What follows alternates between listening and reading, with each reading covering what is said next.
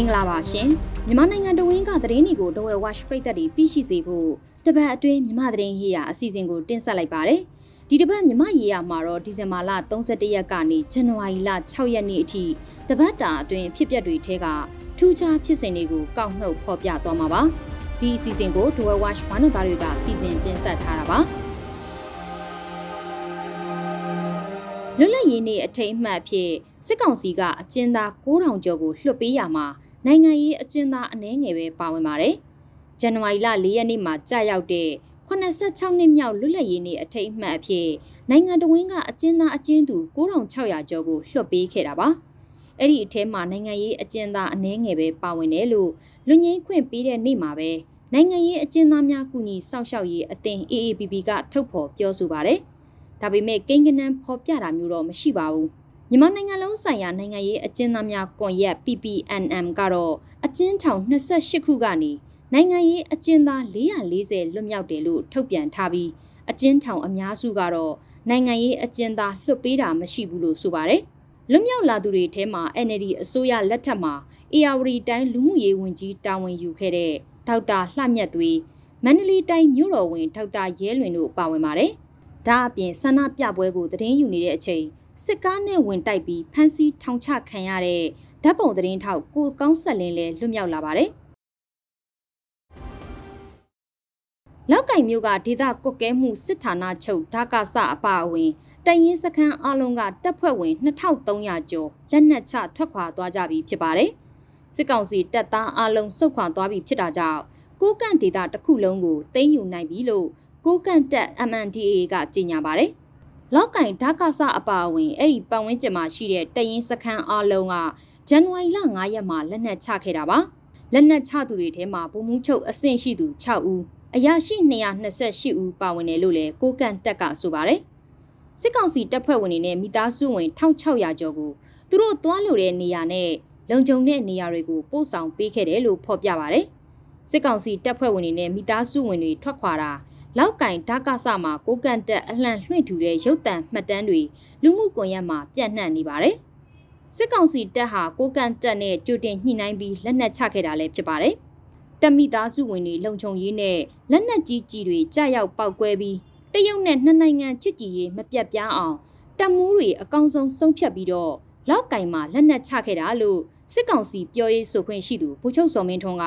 ပေါ်ပူလာနေယူသတင်းတရက်မှာပြောဆိုထားပါတယ်။ လောက်ကင်ဒေသမှာစစ်ကောင်စီတပ်နဲ့ကိုကန်တက်ကြားတိုက်ပွဲတွေကြောင့်တရုတ်ဖက်ချမ်းကိုလက်နက်ကြီးကြီးကြာရောက်ပောက်ကွဲပြီးတရုတ်နိုင်ငံသားထိခိုက်ဒဏ်ရာရခဲ့တာကြောင့်တရုတ်ဘက်ကအပြင်းထန်ကန့်ကွက်ထားပါတယ်။လောက်ကင်အနီးကတရုတ်နိုင်ငံနမ်ဆန်မြို့ထဲကကားလန်နဘေးကိုဇန်နဝါရီလ3ရက်နေ့ကလက်နက်ကြီးကြီးကြာရောက်ပောက်ကွဲခဲ့တာပါ။တရုတ်နိုင်ငံသားတွေထိခိုက်ဒဏ်ရာရတာကိုအပြင်းထန်ကန့်ကွက်ရှုတ်ချပြီးတပ်ဆိုင်ရာအဖွဲ့တွေကိုတရားဝင်ကန့်ကွက်စာပို့ထားတယ်လို့တရုတ်ဘက်ကဆိုပါတယ်။ ဒီပောက်ကွဲမှုဟာတရုတ်နိုင်ငံကူမင်းမြို့မှာစစ်ကောင်စီနဲ့မြောက်ပိုင်းသုံးဖွဲ့တတိယအကြိမ်တွေ့ဆုံဆွေးနွေးပွဲလုပ်ဖို့ရပ်ပိုင်းအလို့မှာပဲဖြစ်ပွားခဲ့တာပါ။ဒါကြောင့်တရုတ်ဘက်ကဖိအားပိုပေးလာနိုင်တယ်လို့လည်းသုံးသပ်မှုတွေရှိနေပါတယ်။ကချင်လူမျိုးရေးတပ်မတော် KIA ဌာနချုပ်လိုင်းစာမြို့အနီးမှာစစ်ကောင်စီတပ်ရဟတ်ရင်တစင်းပစ်ချခံရတာကြောင့်စစ်ကောင်စီတပ်ဖွဲ့ဝင်6ဦးသေဆုံးပြီးဘုံမူး2ဦးဖမ်းဆီးခံရပါတယ်။ ကရင်နီမှာတိုက်လေရင်တစင်းပစ်ချခံရပြီး2လလောက်အကြာမှာပဲကချင်မှာရဟတ်ရင်တစင်းပစ်ချခံရတာပါဇန်နဝါရီလ3ရက်နေ့နေ့လယ်ပိုင်းမှာနာဖတက်စခန်းကိုလက်နက်နဲ့ရိတ်ခါလာပို့တဲ့ရဟတ်ရင်နှစ်စင်းထဲကတစင်းကိုပစ်ချနိုင်ခဲ့တာလို့ KIA ပြောရေးဆိုခွင့်ရှိသူဗိုလ်မှူးကြီးနော်ဘူးကပြောပါတယ်ပစ်ချခံရတဲ့ရဟတ်ရင်ဟာရုရှားထုတ် MI-70 အမျိုးအစားဖြစ်တယ်လို့ဆိုပါတယ်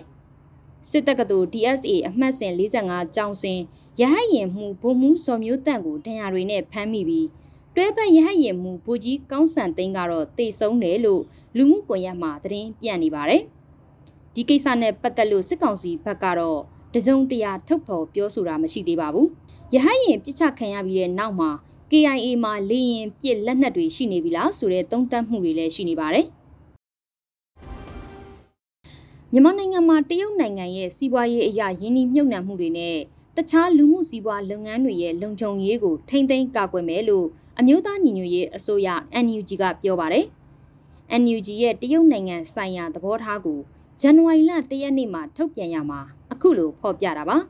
နှစ်နိုင်ငံပြည်သူကြားချစ်ကြည်မှုယုံကြည်မှုပူးပေါင်းဆောင်ရွက်မှုတွေကိုအစွမ်းကုန်မြင့်တင်မှာဖြစ်တယ်လို့နှစ်နိုင်ငံကြားလူမှုစီးပွားအရာအကျိုးတူပူးပေါင်းဆောင်ရွက်မှုကိုလည်းထိမ့်သိမ်းမြင့်တင်မယ်လို့ဆိုပါတယ်